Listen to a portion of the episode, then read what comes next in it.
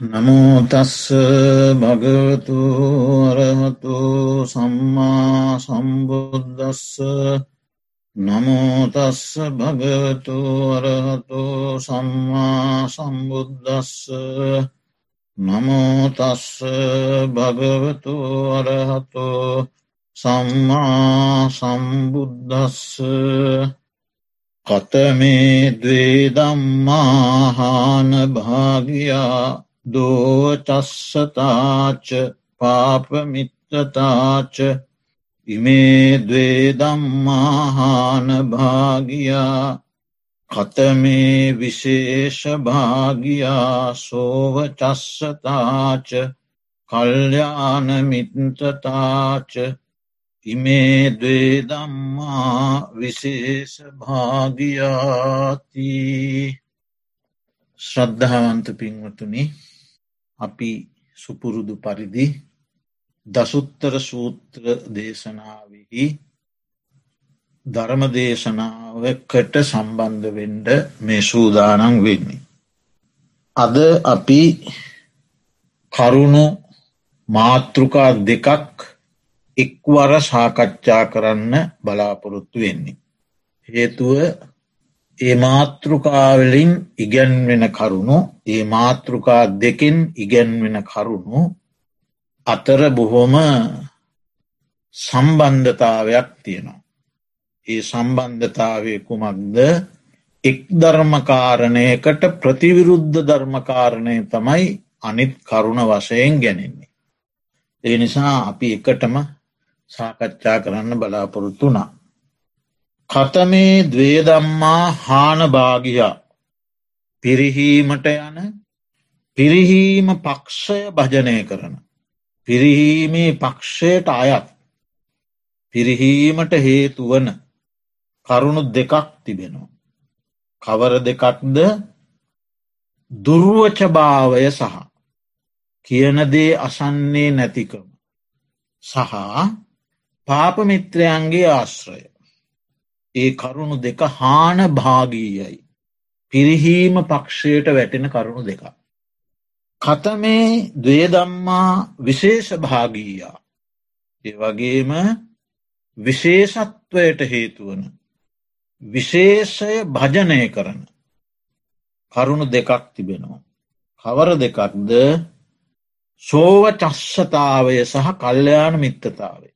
සුවච්ච බවයි කලන මිතුරු ඇසුරයි.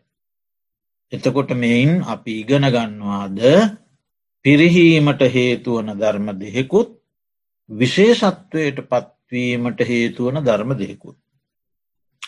අපි මේ ලෝකයේ ජීවත්වන මේ කාලශීමාවේදී අපි කරන සමහර කටයුතු. අපි කියන සමහර දේවල්. මෙලෝවටත් හේතු නොවන පරලොවටත් හේතු නොවන දෙලොවම අනර්ථය පිණිස පවතින දේවල් විය හැකි. අපි අතින් එහෙම දේවල් විය හැකි එහෙම වචන කතා කිරීමට ඉඩ තිබෙනවා. ඒකත් විය හැකි දෙයක්. නිතර හැමවිට වෙනවා කියලා නොවේ මේ කියන්නේ එහෙම විය හැකි. කරන කියන දේවල් වලින් සමහරක්. මෙලොවට පරලෝවට දෙලොවටම හිත නොවන සුව නොවෙන දෙලොවෙහිම අනර්ථය පිණිස පවතින දේවල් විය හැකි. ඒ වගේම සමහර දේවල් තිබෙන්ඩ පුළුවන් මේ මෝතේ සතුට සැනසුම යහපත දෙනවා. නමුත් පසුව දුක්ක විපත පීඩනය. පරලෝ වසයනුත් දුක්ක විපත පීඩනය අනර්ථය ගෙන දෙන දේවල්. හැබැ මේ මොහොතේ සුවයි සැපයි හොඳයි එහෙම දේවලුත් වෙන්න පුළුවන්. ඒ වගේම සමහර දේවල් අපෙන් විය හැකි එය මෙලව සැප පිණිස පවතිනවා. නමුත් පරලොව අනර්ථය පිණිස පවතිනවා. එහෙම දේවලුත් සිදුවේ හැකි. එමෙන්ම මෙලව සැප පරලොව සැප දෙකම ලැබෙන දේවලුත් අප ඇතින් විය හැකි. එක නැහැකි යන්න බෑ. ඒ විදිහට මෙලොව දුක පීඩා පරලොව අනර්ථය හැම්ම පැත්තෙන්ම අනර්ථකාරී දේවල්. උනත් වීමට ඉඩ තිබෙන. ඒ නිසා අපිට ගුරුවරෙක් අවශ්‍යයි. අවවාද ලබා ගණ්ඩ කෙනෙක් අවශ්‍යයි. අනුශාසනා ලබා ගණ්ඩ කෙනෙක් අවශ්‍යයි. මග නොමග පෙන්නා දෙන කෙනෙක් අවශ්‍යයි. අන්න එහෙම කෙනෙක් ඇසුරු කරමින් ඒ අයගේ අවවාද අනුශාසනා ස්වච්චව පිළිගන්න ගතිය. ඒ සෝව චස්සතාවේ. ඒවා ගෞරවයෙන් පිළිගන්නා ස්වභාවය. අවවාද ලැබිය යුතු මව්පිය ගුරු ශ්‍රමණ බ්‍රාහ්මණ ආදීන්ගේ. අවවාද ලබා. ඒවා බොහොම නිහතමානීව පිළිගන්න ස්වභාවේ. ඊට අනුව කටයුතු කරන ස්වභාවය. ඒවා හෙලා නොදකින ස්වභාවය. ඒවා ප්‍රතික්ෂේප නොකරන ස්වභාවය. සෝවචස්සතා ස්වච බව. ඒවා පිළිගන්න නැත්තං ඒවාට කං යොමු කරන්නේ නැත්නම්. තමන් හිතන දෙයට අනුවම කටයුතු කරනවා නම්. එතනදී මාන්නාධික බවත් තියෙනවා. ඒ දෝව චශ්ෂතාවේ අකීකරුයි. ඒ වැඩිහිටු උතුමන්ගේ අදහස්වලට නොනැමෙන සුළුයි. මාන්‍යත් ඒත් එක්ක බැඳිලා තියෙනවා. අපේ බෝසතාණන් වහන්සේ තාපස ප්‍රෞජ්ජාවෙන් කාමයන්ගේ ආදීනව දැකලා එක්තරා වන සණ්ඩයක වන කොටසක වන ප්‍රදේශයක තාපස දහම් පිරුව. එතන තාපසවරු විශාල ප්‍රමාණයක් හිටිය.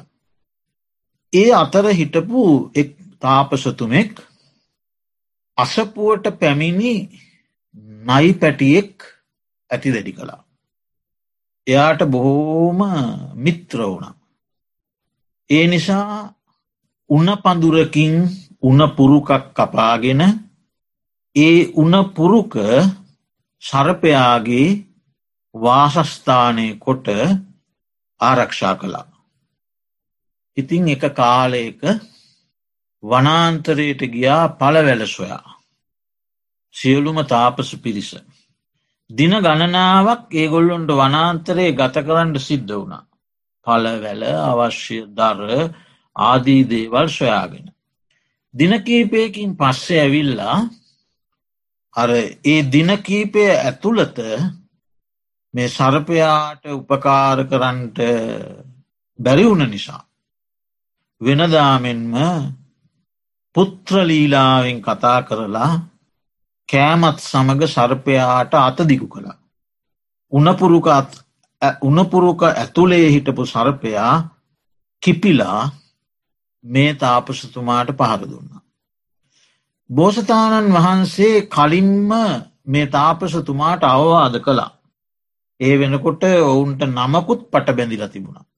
උනපුරුකේ හැදෙන නිසා නයාට වේලුක නමින්ද වේලුකට උපස්ථාන කරන අර්ථයෙන් තාපසතුමාට වේලුක පිතා යන නාමෙන්ද හැඳින්නවා. ඉතිං අපේ මහා බෝසතාණන් වහන්සේ අවවාද කළා ඒ සර්පයා සමග තියෙන ඇසුර සුදුසුනෑ ඒ අනර්ථය පිණිස පවතින දෙයක් විය හැකි කියලා. ස්තීර වෙනවා කිව්වෙ නෑ විය හැකි. නමුත් ඒ තාපසතුමා ඒ වැඩිහිටියාගේ අවවාදය අනුශාසනාව රුචි කොට ගත්තනේ. එක ගෞරවයෙන් පිළිගත්තනේ. ඒ නිසා ඒ සර්ප විෂ ශරීර ගත වුණ ඒ තාපසතුමා මිය ගිය. ජාතක පන්සිය පනස් ජාතක පොත් වහන්සේගේ එන කතාවස්තුවක්. එහි ගාථා ධර්මයක් තියෙනවා හරිම වැදගත්. යෝ අත්ත කාමස්ස හිතානු කම්පිනෝ ඕවජ්ජමානෝ න කරෝති ශාසන. ඒවන් සෝ නිහිතෝ සේති වේලුකස්ස යථාපිතා. යම් කිසි කෙනෙක් අර්ථය හිතසුව කැමැතිව. හිතානු කම්පාවෙන් යුක්තව. අවවාද කරන්නේද ඒ අවවාදයන් අනුව කටයුතු නොකරන පුද්ගලයා. වේලුකගේ පියා මෙන් මෙසේ විනාශයට පත්වන්නේය කියන එකයි ඒ ගාථා ධර්මය අර්ථය. ඒ නිසා අපි අපේ ජීවිතයට අවවාද අනුශාසනා ලබාගත යුතු අය ඇසුරු කරමින් ඒවා නිසි පරිදි ක්‍රියාවේ යොදවන්නට සමත්වෙන්ට ඕනේ. ඒ ගුණේ අපි තුළ තියෙන්ට ඕනේ. ඒ වගේම සමහර අවස්ථාවල අපට අපතරම් උසස් නොවූ අයගෙන් පවා. අපට වඩා අපි බාලයයි සලකනායගෙන් පවා ලැබෙන්ඩ පුළුවන් හොඳ අවවාද. සාරිපුත්ත මහරහතන් වහන්සේට නොදැනුවත්ව සිවුරුවේ කොනක් බිම ඇතිල්ලෙනවා දුටු පොඩි හාමුදුරු නමක් ඒ පෙන්නා දුන්නාට පස්සේ සාරිපුත්ත මහරහතන් වහන්සේ උක්කුටිකයෙන් වාඩිවෙලා ඒ හාමුදුරුවන්ටන මේ ධර්මයට වන්දනා කරමින් ඒ ඉතාම නිහතමානීව පිළිගත්තා. සමහරවිට අපිට ඒ වගේ අපතරම් දියුණු නැති අපි බාලයයි සලකන කෙනෙකුගෙන් වුණත් එවැනි අවවාදයක් ලැබෙන්න්නට පුළුවන්කම තියෙනවා. බාලයයි නූගත්යයි ප්‍රතික්ෂේප නොකර පිළිගන්නට සිදුවෙන අවස්ථා සමහරවිට අපිට ලැබෙන්න පුළුවන්. එවැනි අවස්ථාවලදීත් මම උසස් කුලයේ කෙනෙක්ක මම මහා උගත් කෙනෙක්ක මෙවැනි අයගෙන් අවවාද ලබන්ට මම කවුද මොහු කවුද ආදී වසයෙන් නොසිතා. ඒ පෙන්නා දෙනදේ කියා දෙනදේ මතු කර දෙනෙදේ යහපත්නම්. එය පිළිගැනීමේ වරදක් නෑ. එකල දඹදිව ඈත අතීතයේ උසී රථ කියල රජ කෙනෙක් රාජ්‍ය පාලනය කළා. ඒ කාලයේ අකාලයේ අඹ ඉදවන්නට පුළුවන් අඹ හටගන්වන්නට අකාලයේ ගස්වල අඹ හටගන්වන්නට පුළුවන් සොලි සැඩොල් සැඩොල් දරුවෙක්කිට සඩොල් තරුණෙක් දරුවෙක් නොේ තරුණේ. ඒ සඩොලාට පුළුවන් අඹ හටගන්වන්න. බ්‍රාහ්මණ වන්සයේ එක්තරා කුමාරයෙකුට මේක දැනගණ්ඩ ලැබිලා අර සැඩොලාගේ බිරිඳට ඇප උපස්ථාන කරලා ඒ සැඩොලාගේ බිරිඳ සමඟ මිත්‍ර වෙලා හිතවත් වෙලා ඒ බිරිඳගේ මාර්ගයෙන් අර ෂඩොල් පුද්ගලයාගේ මන්ත්‍රය ඉගෙන ගත්ත. බිරිඳට බැලමෙහෙවරකම් කරලා. ඒ මාර්ගයෙන් බිරිඳගේ ඉල්ලීමෙන් තමයි මන්ත්‍රය ඉගෙන ගත්තේ.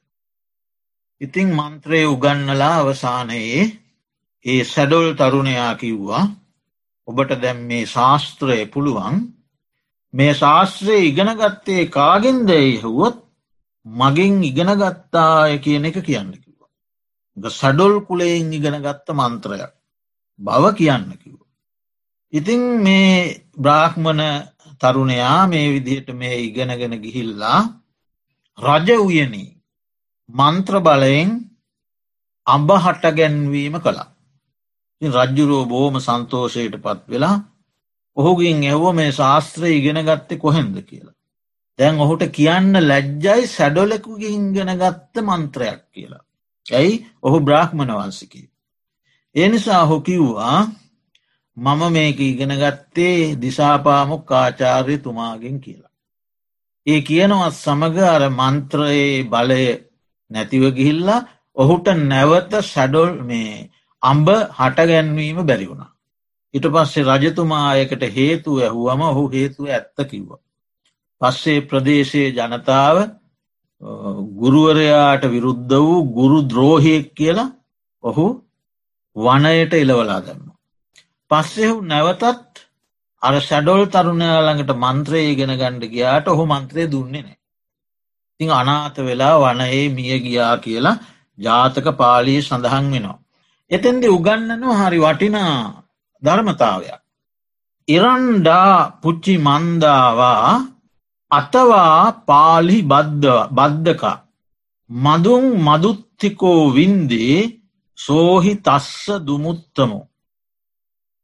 එරඩු ගහකින් හෝ කොහොමගාක හෝ එරබදු ගහක හෝ වනාන්තරයේ මී බැඳල මී බැඳල තියෙනවන. මී බැඳීමක් කරලා තියෙනවන. ගහ එරඩුවෙන්ඩ පුළුවන් කොහොම වෙන්ඩ පුළුවන් එරබදු වෙන්න පුළුවන්. ඒ ගහෙන් මී ලැබෙනවනම්.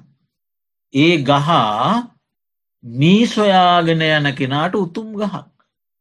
ඒක එරබදු කොහොඹ එරඩු එන්ඩ පුළුවන්. නමුත් උතුම් ගහ. ඇයි මී සොයන්නාට මී ලබා දෙන නිසා. ඒ වගේ ශස්ත්‍රිය වන්සේ වේවා බ්‍රාහ්මණ වංශය වේවා වෛශ්‍ය වංශයේ වේවා සුද්‍රවංශයේ වේවා චණ්ඩාල වන්සේ වේවා කසල අදින පුක්කුස වන්සේ වේවා. යම් කෙනෙක්ගෙන් දහම දැනගණ්ඩ ලැබෙනවන. යශ්මා දම්මං විජානීය. එයාගේ වන්සේ කුමක් හෝවේවා. ඔහුගෙන් දහම දැනගන්නට ලැබෙනවා නං සෝහි තස්ස නරුත්තමෝ. ඒ ධර්මය ඉගෙනගන්නා වූ තැනැත්තාට ඔහු උතුම් පුද්ගලයකි. කාගෙන් හෝවේවා ඔහු උතුම් පුද්ගලේ. කියන එකයි ඒ ජාතක කතාවෙන් දෙන ආදර්ශය. ඒ නිසා අපිට සමහර අවස්ථාවන් හිදී අපේ තරාතිරමට අපේ කුලයට බලයට නිලයට ධනයට මදිපුංචිකමක් වෙනවා කියලා හිතෙන අවස්ථා ඇතිවෙන්ට පුළුවන් පොඩි කෙනෙක්ගෙන් අපේ අපේ තරම් දියුණුවක් නැති කෙනෙක්ගෙන් ලැබෙන අවවාදයක් පිළිගන්න. එක සුදුසු නෑ. ඒ අවවාදයට නැමෙන සුළු බව ඒ අහපත් දෙයක් නං සුදුසු දෙයක් නං අර්ථය පිණිස පවතින දෙයක් නම් හිත සුව පිණිස පවතින දෙයක් නම් එයට නම්ම ශීලිවිය යුතුයි. ඒ සෝව චස්සතාවය සුවච බව විශේෂත්වය කරා පමුණුවනවා. දෝව චස්සතාවය හීනත්වය කරා පමුණනවා. හානභාගීය පහත් බවට පත් කරවනු. ඒ නිසා ඒ කරුණු දෙක අපි සිහියේ තබාගත යුතුයි. ඊළඟ කාරණය පාපමිත්තතා කල්්‍යයාන මිත්තතා. පාපමිත්තතාවය හානභාගීයයි. කල්්‍යයාන මිත්තතාවය විශේෂ භාගීයයි. එතකොට මේ පාපමිත්තතාව විස්තර කරන අට්ට කතාව අගාරික පාපමිත්ත අනගාරික පාපමිත්ත කියලා කොටස් දෙකට බෙදෙනවා. ගිහි ගෙදර ඉන්න වූ පාපමිත්‍රයෝ සහ ගිහිගෙවල්වලින් ඈත්ව ඉන්න පාපමිත්‍රයෝ කියලා දෙහෙකට බෙදෙනවා. පාපමිත්‍රයාගේ ස්වභාවය දක්වන්නේ සිගාලෝවාද සූත්‍රයේ. ගිහි විනය කියලා සූත්‍රයට කියන නමක්. එහි උගන්නනවා පාපමිත්‍රයෝ කොටස් හතරක්. හතරාකාරකොට. අ්‍ය දත්තු හර පාපමිත්‍රයා. එයාගේ ලක්ෂණ හතරක් උගන්නනවා. යමයක් යමක් ගැනීමටම ගෙනයෑමටම ආශ්‍රය කරනවා. ගන්න ගෙනියන්න ආශ්‍රය කරන කෙනා. එයාගේ ඉලක්කේ එකයි. ඒවගේම ටිකක් දීලා ගොඩක් බලාපොරොත්තු වෙනවා. ශල්පයක් දීලා. ලොකු ප්‍රතිලාභයක් බලාපොරොත්තු වෙනවා. එමෙන්ම උවදුරේදී විපතේදී පමණක් ඇසුරු කරනවා. ඔහුට විපතක් කරදරයක් පීඩනයක් ඇති වුණු වෙලාවට පමණක් ආශ්‍රය කරනවා. තමන්ට උපන් කටයුත්තේදී පමණක් තමන්ට යම් වැඩක් කටයුත්තක් උපන් කල්ලි ආශ්‍රය කරනවා. නැත්නං හැර දමනවා. ඒවගේම වචී පරම මිත්‍රයෝ දෙවන්න. වචනය පරමකොටගත්ත මිත්‍රයෝ. ඒ අයගේ ස්වභාවය අතීතයෙන් සංග්‍රහ කරනවා. අනාගතයෙන් සංග්‍රහ කරනවා. හැබැයි වර්තමානය සංග්‍රහ කරන්නේ. අර්ථ ශූන්‍ය කතාවෙන් සංග්‍රහ කරනවා. කිසිදු අර්ථවත් කතාවකින් සංග්‍රහයක් ලැබෙන්නේ. වත්මන්හි මේ මොහොතේදී උපකාර අවශ්‍ය වුණොත් අපිට එයාගින් උපකාරයක් අපි බලාපොරොත්තු වුණොත් එයා ඒක හේතු දක්කොලා මගහරිනවා. හැබැයි අතීතයෙන් අනාගතයෙන් ඕන තරම් සංග්‍රහ කරනවා. මේ මොහොතේදී හේතු දක්වලා මගහරින. ඒ වචනය පරම කොටගත්ත මිත්‍රයා. ඊලාට අනුප්පිය බානී. ඔහුගේ ලක්ෂණ හතරයි පව්කමක් කර ඒකත් අනුමත කරනවා. ඒකටත් එහෙයි කියනවා. කුසල කර්මයක් කළොත් පින්කමක් කළොත් ඒකත් අනුමත කරනවා. තමන්ගේ ගුණ මුහුණ ඉදිරියේ ගුණ කියනවා. හමු උනාම මුහුණ ඉදිරියේ බොහෝම ප්‍රශංසාත්මකව කතා කරනවා. නැති තැන්වලදී අගුණ කියනවා. ඒ අනුප්පියබානී පාපමිත්‍රයා. හතර අපාය සහය පාපමිත්‍රයා. රහමිරබීම සඳහා මිතුරු වෙනවා. මත්බැන් මද්‍රව්යේ භාවිතයේදී මිතුරු වෙනවා. නොකල්හි වීති සංචාරය කරන්ට මිත්‍ර වෙනවා. ඇවිදින්ට අන්ඩ යාලු වෙනවා. නැටුම් ගැයුම් වැයුම් ආදිය තැන්වලදී පෙන්වන තැන්වලදී මිතුරු වෙනවා. ඒවා සඳහා යන්නට මිත්‍ර වෙනවා. සූදුවෙහිදී මිතුරු වෙනවා. අපාය සහායකයා. ඊට අමතරව හෝති පානසකානාම කියලත් සිංහලුවාද සූත්‍රයේ මිත්‍රයෙක් ගැන කියනවා බොන තැනදී යහළුවෙන මිත්‍රයා. හෝති සම්මිය සම්මියෝ ඇති තැනදී ගුණ කියා නැති තැනදී දොස් කියන මිත්‍රයා. අත්තේසු ජාතේසු වැඩක් උපන් කල්හි මිත්‍ර වෙන කෙනා. වැඩක් උපන් කල්ලි. ඒ සියල්ලෝම අමිත්‍රයෝ සැබෑ මිත්‍රයෝ නෙවෙයි. එතකොට මේ පාපමිත්‍රයන්ගේ ආශ්‍රය නිසා හානභාගීය පිරිහීම පැත්ත භජනය කරනවා. එපමණක් නොවේ. අමිතුරන්ගේ ලක්ෂණ තව ගොඩාක් ජාතක පාලිය දක්වනවා. දැක්ක සතුටු නොවේ දැක්කම සතුටු වෙන්නේ නෑ. දැක්කහම සිනා නොවේ සිනාවෙන්නේ නෑ. ඇස්සර බැලීමක්ද නොකරයි. තමන් කරන කතාවට විරුද්ධ වෙයි. අමිතුරුන්ගේ ලක්ෂණ. තමන්ගේ යම් සතුරන් ඉන්නවනන්ගේ සතුරම් භජනය කරනවා ආශ්‍රය කරනවා. තමන්ගේ මිතුරෝ ඉන්නවනං ඒ මිතුරෝ ආශ්‍රය කරන්නේ නෑ. යම් කෙනෙක් තමන්ගේ ගුණ කියනවනං ඒ ගුණ කීම වලක් වනවා ගුණ කියන්න දෙන්නේ නෑ. යම් කෙනෙක් තමන්ගේ දුර්ගුණ කියනවනං නුගුණ කියනවනං ඒ දුර්ගුණ නුගුණ කියන්නාට ප්‍රශංසා කරනවා. ඔහුගේ යමක් සැඟවිය යුතු රහසක් තියෙනවන ඒක කියන්නේ. තමන්ගේ සැඟවිය යුතු රහසක් තියෙනවන එක එලි කරනවා. ඒවා සඟවන්නේ නෑ. තමන් කරන වැඩ කටයුතුවල ගුණ කියන්නේ. තමන්ගේ නුවන වර්ණනා කරන්නේ නෑ. තමන්ගේ පිරිහීම කැමති වෙනවා. දියුණුව කැමති වෙන්නේ නෑ. රසවත් ආහාරපාන ලැබුණට ලබා දෙන්නේ නෑ. අනුකම්පා කරන්නෙත් නෑ. ඒ මිත්‍ර අමිත්‍රයාගේ ලක්ෂණ ජාතක පාලි දක්වන්න. අමිත්‍රය හඳුනගන්න. ඒ වගේම මිතුරෝ ඉන්නවා හතර දෙනෙක්. දැන් ඔය අමිත්‍රයෝ හාන භාගීයයි.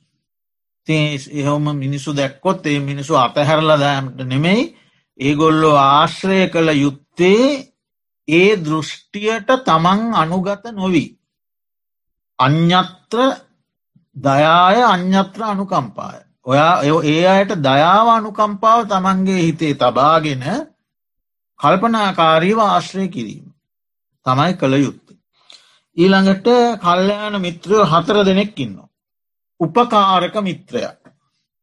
උපකාරක මිත්‍රයාගේ ස්වභාවය තමයි මුලාවුනාම රැකගන්න. යම් ආකාරයකින් අපි යම් මානෂ්ටික පීඩනයකින් හෝ මුලාවුනොත් ඒ වෙලාට රැකගන්නවා. මුලා වූ මිතුරාගේ ධනය රැකල දෙනවා. ඒ ධනය උදුරගන්නන ඒව රකිනෝ. මිත්‍රයා බිය වුනාම බියට පිහිට වෙනවා. මිත්‍රයාට කාර්යක් යම් කටයුත්තක් ඉපදුනාම ඒ සඳහා අවශ්‍ය මැදිහත්වීම. ධනයෙන් ශ්‍රමයෙන් මැදිහත්විය යුතුනම් බලාපොරොත්තු පමණටත් වඩා මැදිහත් වෙනවා. ඒ උපකාරක මිත්‍රයා වචනයම තියෙන්නේ උපකාර කරන මිත්‍රයා කියන. ඊළඟට සමාන සුක දුක්ක මිත්‍රයා තමන්ගේ යම් සඟවාගත යුතු රහසක් තියෙනවනම් ඒක කියනවා. ඒ වගේම මිත්‍රයාගේ රහස් රකිනවා. විපතේදී අත්හරින්නනේ. දිවි හිමියෙන්ම මිත්‍රත්වය පිණිස කටයුතු කරනවා. දිවි නැසුනත් මිත්‍රත්වය අතහරින්නේ. එමෙන්ම අත්තක්හායේ මිත්‍රයා. අර්ථය පිණිස හේතුවන මිත්‍රයා. පවින් වලක් වනෝ. පිනෙහි යොදවනෝ. නොඇසූ දහම් අසන්නට සලස්සනෝ. සුගතියට මඟ කියල දෙනවා. ඒ අත්තක්කාය මිත්‍රයා. එමෙන්ම තව මිත්‍රයෙක්කින්න අනුකම්පක පිරිහි යනවට කැමතිනේ මිත්‍රයා පිරිහෙනවනං ඒකට සතුටු වෙන්නේ. මිත්‍රයාගේ අභිහුෘදයක් දියුණුවත් තියෙනවනං ඒක දැකල සතුටු වෙනවා. මිත්‍රයාගේ අගුණ කියන අය වලක් වන එහෙම කියන්න එපා. එයා එවැනි කෙනෙක් නොවේ කියලා අගුණ කියන අය වලක් වනවා. ගුණ කියන අයට ප්‍රශංසා කරනවා. ඒත් වියග්ග පජ්්‍ය සූත්‍රයේ දේශනා කරපු කල්්‍යයාන මිත්‍රයෝ හතර දෙෙන. එමෙන්ම ජාතක පාලී උගන්නනවා මිත්‍රයෝගේ ලක්ෂණ තව පෙලක්. අපිට මේ රන්රිදී පුරවා තිබෙන භාජනයක් ලබා දෙනවාට අපි කැමැති අන්සේද ඊටත් වඩා වැඩි කැමැත්තා. අපි දක්වන්නට ඕනේ කල්්‍යයාන මිත්‍රයන්ගෙන් ලැබෙන අවවාදවලට. එව රන් රිදීවලටත් වඩා වටිනවා. ඇයි හේතුව ඒවා මෙලව ජීවිතය අර්ථාංවිත කරගෙන. පරලොව ජීවිතයක් සැනසිලිදායක ජීවිතයක් බවට පත් කරගෙන. නිර්වාණ සුවසාන්තිය සලසා ගැනීම පිණිසක්. හේතු උපනිශ්‍රය වන බැවින් ඒ අයගේ අවවාද අනුශාසනා විශේෂත්වයහිලා සැලකිය යුතු වෙනවා. එතකොට ඔන්න මිතුරාගේ පැත්ත පෙන්නනවා දැන් ජාතක පාලී. වෙන්ව ගිය මිතුරා සිහි කරයි. තමන් සමඟ එකට වාශය කරලා මිත්‍රයා වෙංවිලා ගියානම් ඒ වෙන් වූ මිත්‍රයා අමතක කරලා දාන්නේ නෑ. අන්න එහෙම එක්කනෙක් තමන්ට හිතවතෙක් ලෙස තේරුම් ගන්ට ඕනේ. එමෙන්ම තමන් ආපසු සතුටු වෙනවා. වෙන්වෙලාගයාම සිහි කරනවා පැමිණි පසු බොහෝම සතුට ප්‍රකාශ කරනවා. එයින් දැනගණ්ඩෝනෑ ඒ පුද්ගලයා තමාගේ මිත්‍රේ. එම නැත්තම් මිත්‍රත්වය බිඳිලා කියන එකයි එතනින් පේන්නේ. එමෙන්ම පැමිණි තමන්ට ආදරය දක්වයි. දයාව අනුකම්පාව ආදරය සෙනහස දක්වයි. එයින් තේරුම් ගන්නේ මොහු මිත්‍රයෙක්. එසේ නොවේ නම් මිත්‍රයෙක් නොවේ. මිත්‍රත්වය බිදිලා. ප්‍රිය කතාවෙන් සංග්‍රහ කරයි. පැමිණි පසු ප්‍රියශීලී කතාවෙන් අවශ්‍ය සංග්‍රහයන් කරනු. එමෙන්ම. තමන්ගේ මිතුරං භජනය කරනු. යම් කිසි කෙනෙක් තමන්ගේ මිතුරෝ භජනය කරනවා නම් එයා තමන්ගේ මිත්‍රයෙක් ලෙස සලකීමට සුදුසුයි. සතුරං භජනය නොකරයි තමන්ට කවුරු හරි සතුරු නං තමන්ගේ මිත්‍රයා ඒ සතුරං භජනය කරන්නේ. එසේ මිත්‍රත්වය තේරුම් ගන්ටෝනේ. යම්කිසි කෙනෙක් තමන්ට ආක්‍රෝෂ පරිභව කරනවනම්. ඒ අය වලක් වනවා. එහෙම කරන්ඩ දෙන්නේ වලක් වනවා. යම්කිසි කෙනෙක් තමන්ගේ ගුණ කතා කරනවනම්. ඒ ගුණකතා කරන අයට ප්‍රශංසා කරනවා. ආක්‍රෝෂ පරිභව වලක් වනවා ගුණකතා කරන එකට ප්‍රශංසා කරනු. ඔහුගේ යම් රහසක්තියයිද ඒ රහස තමන්ට කියනවා. හඟවන් ඉන්නේ කියනු. තමන්ගේ රහස් ඔහු එලි කරන්නේ නෑ ඒ රහස් සඟවනවා. තමන් කරන කටයුතු වැඩ කටයුතු. ඒව ඇග්ගීමට ලක් කරනවා. තමන්ගේ යම් ප්‍රඥාවක් නුවනක් වේද ඒ නුවනට ප්‍රශංසා කරනවා. තමන්ගේ යම් මෙලවදියුණුවක් පරලෝදියුණුව පිණිස කටයුතු කිරීමක් වේද. ඒ දියුණුවේදී සතුටු වෙනවා. තමන්ගේ යම් පිරිහීමක් වැටීමක් දුබලවීමක් තියේද. ඒකට කැමති වෙන්න නෑ. දියුණුවේදී සතුට වෙනවා පිරිහීමේදී සතුට වෙන්නේ නෑ. රසවත් ආහාරපාන තිබුණොත්. මිත්‍රයා සිහි කරනවා. ඒවා තනිව අනුභව කරන්නේ නෑ. ඒවා මිත්‍රයාට මිත්‍රයාගේ කොටස වෙන්කොට තබා අනුභව කරනවා. නිරන්තරයෙන්ම තමන්ගේ මිත්‍රයාට අනුකම්පා කරනවා. ඔය කරුණුවලින් හඳුනා ගන්ටෝනේ මොහු මගේ මිත්‍රයෙක්. මොහු මගේ මිත්‍රයෙක් නොයි. ඒවා ජාතක පාලියේ බෝම අස්සනට විස්තර කරලා දක්වලා තියෙනවා. ඒ නිසා මෙන්න මේ කරුණු හතර. සෝවචස්සතා දෝවචස්සතා. පාපමිත්තතා කල්්‍යයාන මිත්තතා. මේ හතරෙන් දෝවචස්සතාවයත් පාපමිත්තතාවයත් හාන භාගීයයි. දඹදිව හිටපු මහාදන සිටු පුත්‍රයා මාර්ගඵල ලබන්නට වාසනා තිබූ සිටුපුතෙක් පසුව සිංගමනට පවා පත් වුණ. ඒ මොකද ඒ වාසනා සියල්ලම නැතිව ගියා පාපමිත්‍ර ආශ්‍රය නිසා. මේ ජීවිතයේදී රහත්වෙන්ට වාසනාව තිබූ අංගුලිමාල මහරහතන් වහන්සේ. අර පාපමිතුරු ශිෂ්‍ය පිරිසකගේ මැදිහත්වීම නිසා මිනිසුන් මරණ මහා දාමරිකයෙක් බවට පත්වෙලා තමයි පස්සෙ රහත්තුන. ඉතින් ඒ කරුණුවලින් පේන්නේ මේ දුර්ුවච භාවය නැත්තන් දෝවචශ්‍යතාවය සහ පාපමිත්‍ර ආශ්‍රය තුළින් පුද්ගලයෙක් නොමගට වැටීමේ ඉඩකඩක් තිබෙන බවත්.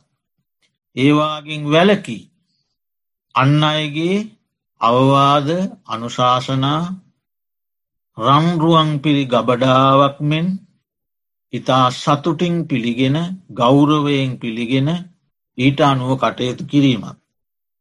කල්්‍යයාන මිත්‍රයන්ගේ ආශ්‍රය නිශ්‍රය භජනය කෙරෙහි නැමි ඒ කල්ලයා එකී කල්ලයාන මිත්‍රයන්ගින් තමන්ගේ ජීවිත පැවැත්ම සකසා ගැනීමත් ප්‍රයෝජනවත් වන බවයි මෙයින් පේන්නේ.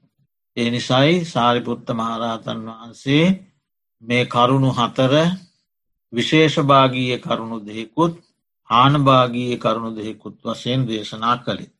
එතකොට කල්්‍යයාන මිත්‍රයන් පැත්තෙන් ගත්තොත් පැවිදි කල්්‍යයාන මිත්‍රයන් ගිහි ජනතාවට පැවිදි කල්්‍යයාන මිත්‍රයකුගෙන් විය යුතු සේවේ. පාපයෙහි පාපයෙන් වැලැක්වීම පාපානිවාරෙන්ති. පාපයෙන් වැලැක්වීම කල්්‍යයානේ නිවේශෙන්ති යහපත් දේවල් වල යෙදවීම සුගතියට මග කියාදීම නොයසූ දහම් අසන්නට සැලැස්වීම ඇසූ දහම්මි සැකසංකාවෙත් නම් ඒ සැකසංකාදුරු කිරීම කල්්‍යාන සිතෙන් යහපත් සිතෙන්ම අවවාද අනුශාසනා කිරීම. කරුණු හයක්.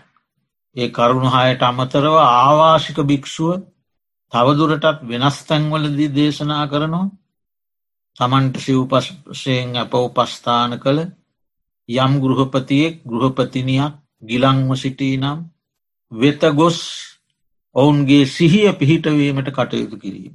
ඔය ආදී කටයුතු පැවිදි කල්්‍යයාන මිත්‍රයන්ගෙන් විය යුතු සේවා ලෙස සිගාලෝවාද සූත්‍ර දේශනාදී දැක්වෙනවා.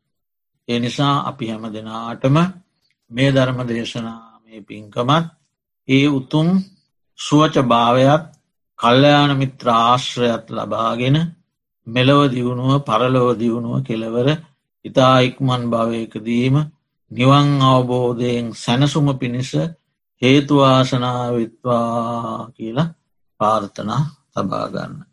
පරලෝෂපත් ඥාතීන්ටත් දෙවියන් සහිත ලෝකවාසීශීම සත්වයන්ටත් අමාමහ නිර්වාණ සුවයෙන් සැනසුම පිණිස හේතුවාසනාවිත්වා කියල පාර්ථනා කරමු.